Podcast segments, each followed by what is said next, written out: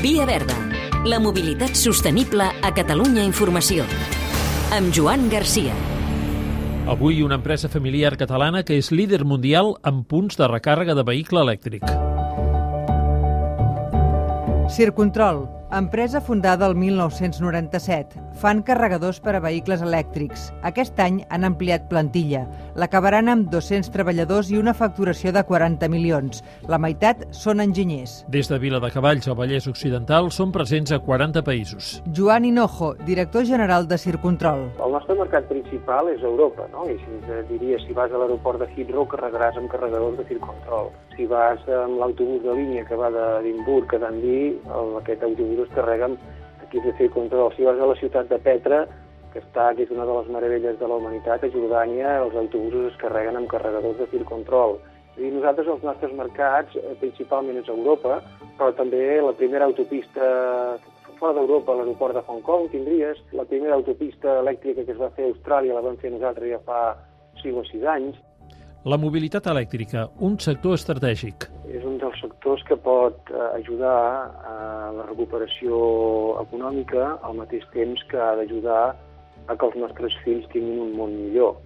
Creiem que a Catalunya hi ha empreses dintre del, del món de l'automòbil que estan molt ben posicionades per, per fabricar i per estar donant servei dintre del món de, del vehicle elèctric.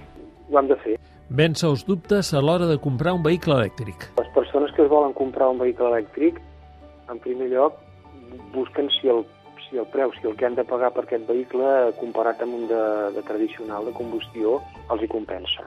Una vegada han passat aquesta pantalla, diuen, ostres, jo el podré carregar, però llavors amb això hi ha un antídot, que és un antídot transitori, que és que hi ha vehicles que, són, que se'n diuen híbrids enrotllables, és a dir, que vol dir que tenen dos motors, tenen, tenen la bateria i un motor elèctric per fer 50-60 quilòmetres, i llavors tenen un motor de benzina.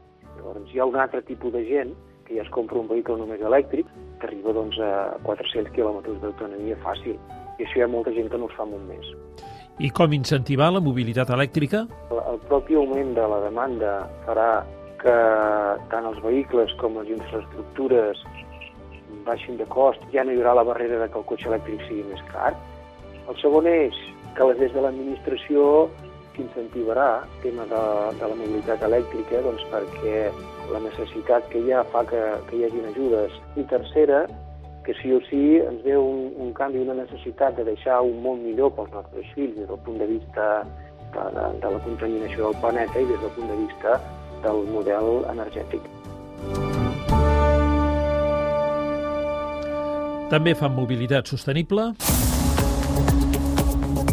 L'Institut Metropolità del Taxi. Ha autoritzat el vehicle Tesla Model 3 perquè s'incorpori a la flota de taxis de l'àrea metropolitana. És un model de gamma alta, 100% elèctric, amb un espai molt ampli als seients del darrere i al maleter.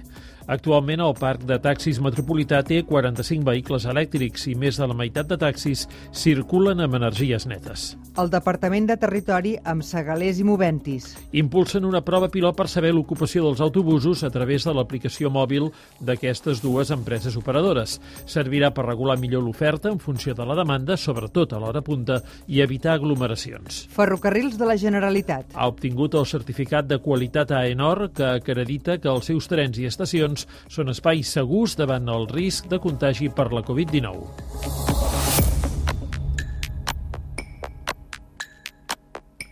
Hem de tendir a... Destinar espai al transport ferroviari per a bicicletes i patinets. Amb la Covid, la micromobilitat ha anat a més i molts dels que utilitzen aquests vehicles els combinen amb el transport públic. Via Verda, disponible al podcast i a catradio.cat.